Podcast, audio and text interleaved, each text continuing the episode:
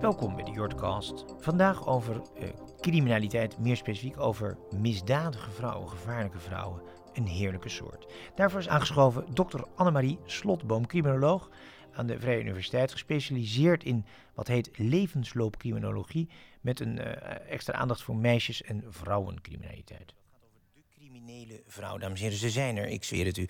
Ehm, en je hoort vaker dat eh, de vrouw in de onderwereld in de lift zit. Dat er, dat er eigenlijk meer vrouwen in de onderwereld komen. Uh, er is een fragment uh, van editie NL waarin ex-criminelen, nu schrijfster Justine Leclerc, vertelt over de criminele vrouw.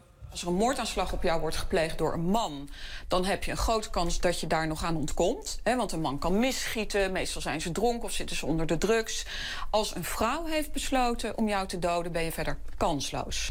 Justine ziet steeds meer meiden belanden in de georganiseerde misdaad. Volgens haar een onbedoeld gevolg van wat meisjes tegenwoordig wordt geleerd. je moet overwicht hebben, je moet bij de hand zijn, je moet erop uit willen trekken. Dat zijn allemaal zaken die je nodig hebt om te ondernemen.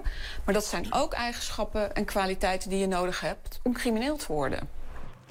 Kijk aan, dat was uh, Justine Leclerc. Um, dokter Slotboom. Ja. Even dit. Vrouwen, dat hoor ik daar, zijn dus eigenlijk gewiekster in het doden. Als een man een misdaad pleegt, dan is die, wordt hij sneller gepakt. Zie die slimmerik die de raketten bij panorama door, het raam schiet. Een vrouw uh, doet dat iets handiger. Dus waarschijnlijk zijn er veel meer vrouwelijke moordenaressen die we helemaal niet kennen. Interessant. Nee, ik geloof dat moord en doodslagen de, de, de delicten zijn die het meest worden opgelost. Volgens mij hebben we de 160 per jaar nog. Niet zo heel veel. Nee. Waarvan nog geen 10% vrouw is. Dus het zijn er gewoon niet zoveel. Uh, wapens, ja, daar zijn vrouwen meestal niet zo handig in. Uh, die gebruiken meestal een mes. Ja. Misschien dat je dat effectiever doet, dat denk ik ook wel. Uh, gif is natuurlijk ook een klassieker. Gif vind ik een, ja. Is een, is een, maar die is al van alle tijden, hè? Dat is die, die is uit de Romeinse en Griekse tijd. Ja, ja. Ja, ja. we hebben hier een beroemde gifmengster uit Leiden, Goeiemie. Wie was dat? Sorry? De gifmengster uit Leiden? De gifmengster uit Leiden. In, uh, uh, nou ja, wat zal het geweest zijn, 150 jaar geleden. Ja. Die vanuit haar beroep als zorgende langs de huizen ging... en uh, rattengif bij mensen in het eten stopte... en zo hun uitkering op streek. Incasseerde. Incasseerde. Ah, ja. Dus dat is een heel klassiek verhaal. Als je nou, maar de, de, perfecte moord is natuurlijk de moord die geen sporen achterlaat. U zegt er zijn 160 uh, moorden per jaar. Maar is het niet zo dat er heel veel meer mensen worden vermoord waarvan we het gewoon niet weten? Die overlijden door natuurlijke oorzaken. Nou, dat... Zogenaamd. Zogenaamd. Nou, ik, ik, of is dit een complotdenken? Ja, dat denk ik. Je zou kunnen denken, politie doet zijn werk niet altijd even goed. Maar in dit geval uh, denk ik dat als het om moord en doodslag gaat... dat het toch wel heel aardig gaat. Maar goed, de feiten. Criminele vrouwen. Hoeveel procent van de, vrouwen, uh, van de criminelen zijn vrouw? En neemt dat percentage toe? Nou, dat is zo'n beetje afhankelijk van je perspectieven. Uh, rond 15 tot 20 procent als ja. je er bij de politie kijkt. Als je naar de gevangenissen kijkt, dan zitten er nog maar, zitten er nog maar 6 procent ik ben onderzoek gaan dus doen. de helft gaat maar de bak in? De helft, ja, het is natuurlijk een soort hm? trechter. Uh, uiteindelijk belanden weinig vrouwen in de gevangenis. Ik ben begonnen met al mijn onderzoek toen de populatie in de gevangenis stegen. Dus er kwamen steeds meer vrouwen terecht. Dus ja. daar was de vraag, wat, hoe komt dat? Wat doen al die vrouwen daar? Ja. Uh, maar ja, dat was natuurlijk wel van 15 naar 16... of in de gevangenis misschien van 5 naar 7 procent. Dus we moeten het, weet je, mhm. in perspectief zien. Ik heb een collega, uh, dat is een historica... die lacht altijd op mijn verhalen over stijging in de criminaliteit bij vrouwen. Want het zijn echt maar 600 vrouwen die uh, gedetineerd ja. zijn, zoals ja, dat dan mooi dus we hebben het natuurlijk ja. over... Als het om emancipatie gaat, helemaal geen emancipatie... want de verschillen zijn nog steeds heel groot. Maar goed, wat... En nou is de vraag natuurlijk, gaat die, de, de emancipatie leidt dat ertoe... dat mannen en vrouwen hetzelfde soort criminelen worden? Dat de vrouw eigenlijk meer op de man gaat lijken? Zijn die vrouwen anders of zijn het, zijn het eigenlijk kopieën van de mannen? En dat is natuurlijk wel interessant, want ze doen eigenlijk allemaal dezelfde soort delicten. Dus als het om, uh, nou ja, we hoorden Justine net over de georganiseerde misdaad. Ja, mm. daar zitten ze natuurlijk ook. Zedendelicten plegen ze ook. Moeilijk te begrijpen, maar dat doen vrouwen ook.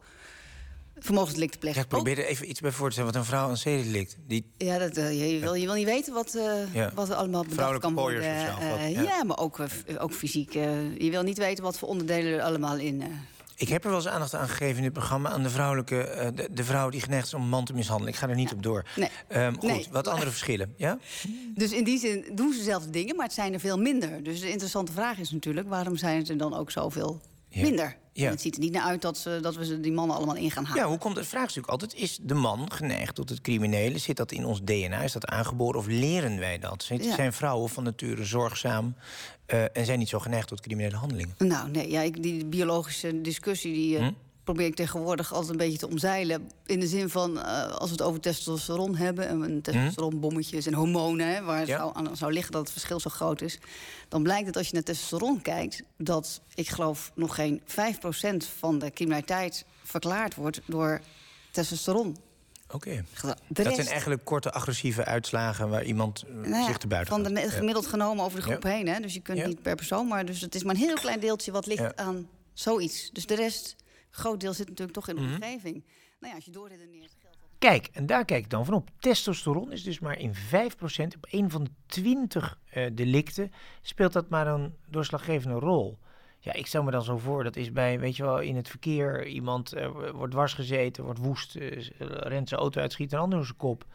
Voor, wat mij betreft een zeer verdedigbare maatregel. In het verkeer na 20 minuten is niemand nog toerekeningsvatbaar, want dat heet road rage. Maar in alle andere gevallen is het uh, kennelijk een stuk rationeler en speelt het mannelijk testosteron in die zin geen rol. Een groot deel zit natuurlijk toch in de mhm. omgeving. Nou ja, als je doorredeneert, geldt dat natuurlijk voor vrouwen ook. Dat een heel groot deel waarschijnlijk in de omgeving de criminaliteit dempt bij vrouwen. Dus het feit dat wij anders opgevoed worden en de maatschappij anders op ons reageert. Ja. Dus eigenlijk meisjes worden zo opgevoed, dat, dat, is, dat is een jongensspelletje, criminele handeling. Moet jij niet doen. Maar je hoort wel vaak, en daar hebben we de voorbeelden... Weet, je had die, die criminele mevrouw Thea Moir, geloof ik. Ja, Thea Moir, Ja, toch? Je hebt van die, van die grote, uh, laten we zeggen, maffia-vrouwen. Uh, maar die zitten vaak ook in de sfeer van het beschermen van de jongens, van de drugsdealers. Van ze hebben een bepaalde positie in dat netwerk. Ja, want, typisch vrouwelijke rollen. Ja, typisch vrouwelijke rollen. En het betekent dus niet dat vrouwen daar niet in terechtkomen, dat ze dat niet doen. Maar hm. voor een deel dus vanuit hun de vaardigheden die bij vrouwen passen. Namelijk inderdaad goed zijn in uh, contacten onderhouden, sociale netwerken, relaties onderhouden. Uh, dat soort zaken. Dus uh, vrouw is wat dat betreft getalenteerd om een drugsbaron nou. te worden. Barones dan in dit geval. Oké. Hoe zit het met... De, worden vrouwen anders behandeld in ons justitiële systeem? Ze krijgen, hoor je wel eens, uh, lichtere straffen. Ja, die discussie is al, al jaren gaande. Dat komt ook vanuit de VS. Daar is heel veel onderzoek naar gedaan. Dat bleek uiteindelijk inderdaad, vrouwen krijgen uh, minder lange straffen dan mannen. Voor ja? minder lange gevangenisstraf voor dezelfde soort delicten. Nou, dat is natuurlijk raar. Mevrouw, ik zeg een schande. Een schande, zeg ik u. Ja? Wat willen kan dat? niet? Dat is. Dus de, recht, de, rechters matsen ze, ach mevrouwtje. Nou ja, een van de hypothesen is, is, een beetje hoffelijkheid. Ja? Nou, die arme vrouw, uh, die moeten we helpen. Nou, er is niet zo heel veel bewijs voor. Ja, en hier wordt toch mijn progressieve hart beroerd. Want ik vind eerlijk gezegd heel goed dat rechters begrip hebben voor vrouwelijke daders. Om simpele reden dat als je het hele gezinnetje meesleept, dan ben je als samenleving nog verder van huis. Vindt u dat verdedigbaar? nee, uiteraard niet. Want de rechter zal zeggen, ja, maar die mevrouw heeft nog twee kinderen. Die bloedjes van kinderen groeien nu ook voor galg en. Dus ik stuur haar naar Ja, dat is een ander verhaal. Uh, als kinderen een rol spelen, dan weegt dat mee in het strafrecht. Dat weten we. Maar dat hm. zou dan natuurlijk voor mannen ook moeten gelden. Dus degene die verantwoordelijk is voor die kinderen. Ja, ja. Helaas zijn dat tot nu toe nog vaak vrouwen. Hm. Dus daarom weegt dat natuurlijk ook mee in hun, in hun veroordeling. En het interessante is wel dat als je jongeren zelf laat zeggen wat ze allemaal doen... dat je bijvoorbeeld de verschillen tussen jongens en meisjes niet zo groot is. Als je ze in de straf laat zien, is het verschil heel groot. Dus er gebeurt natuurlijk wel iets tussendoor. Mm en, dan, en dan zitten ze in die gevangenis. Worden ze ook anders behandeld? Want ze zitten ook in vrouwengevangenis. Ja, we hebben in Nederland, uh, nou, uh, zoals veel landen, ook natuurlijk gescheiden systemen. er zijn landen waar ze gemengd zitten, Denemarken. Maar dat is natuurlijk heel gevoelig. Als er mhm. iets gebeurt, dan is dat gelijk weer over. Als er een verkrachting plaatsvindt, dan zijn die vrouwen en mannen natuurlijk weer uit elkaar. Dus bij Nederland zitten ze apart. Uh, dan is de vraag, ja, uh, uh, hebben ze dezelfde problemen? Moeten we ze op dezelfde manier behandelen? Nou, ze hebben niet helemaal dezelfde problemen. Mm. dus als dat voor een deel voorop staat... hoe krijgen we die mensen enigszins ja. gezond naar buiten? Dan moet je natuurlijk wat anders doen. Dus is dat echt de aanbeveling van het onderzoek? Dat al het onderzoek dat u bij die VU doet, uh, komt erop neer dat we toch met vrouwen anders om moeten gaan. De rechters doen het in ieder geval al, maar nu nog even het systeem. Ja, als het gaat om. ik pleit er eigenlijk wel voor, maar ook weer niet. Dat is natuurlijk het mooie. Mhm. Kijk het is heel lang is een, een, een, beweging gaande. Mannen komen van Mars en vrouwen van Venus. Dus we zijn, wij zijn echt heel anders. Dus je moet ook heel anders met ons omgaan. Nou, Daar zijn we een beetje achter dat het niet zo is. Dat, dat niet zo maar zou het niet de ultieme emancipatie zijn, slotvraag... als er meer vrouwelijke criminelen kwamen? Zodat dat ook een beetje aardig verdeeld wordt. Nou, ik zou de ultieme emancipatie vinden als, als er minder mannelijke criminelen kwamen. als dat te wijten is aan Dat schijnt uit de officiële... En daar noemt Annemarie Slotboom terloops iets heel aardigs. Namelijk dat als de samenleving vrouwelijker wordt, dat mannen minder crimineel worden. Mannen worden in een vrouwenomgeving opgevoed, meer vrouwen om zich heen, ook uh, beroepsmatig. Daardoor zullen ze minder snel tot criminaliteit vervallen. Ja, nee, ja, criminaliteit daalt in, al, in alle opzichten. Dus uh, uh, misschien hebben die vrouwen dan toch een Als ik dat zo hoor, dan wordt u binnenkort werkloos. Want de criminaliteit daalt veel te snel. Nou, oké. Okay. Misschien komt er een economische crisis, hebben we weer meer criminaliteit. Dank voor nu even, dokter Annemarie Slotboom, criminoloog aan de Vrije Universiteit, gespecialiseerd in vrouwencriminaliteit.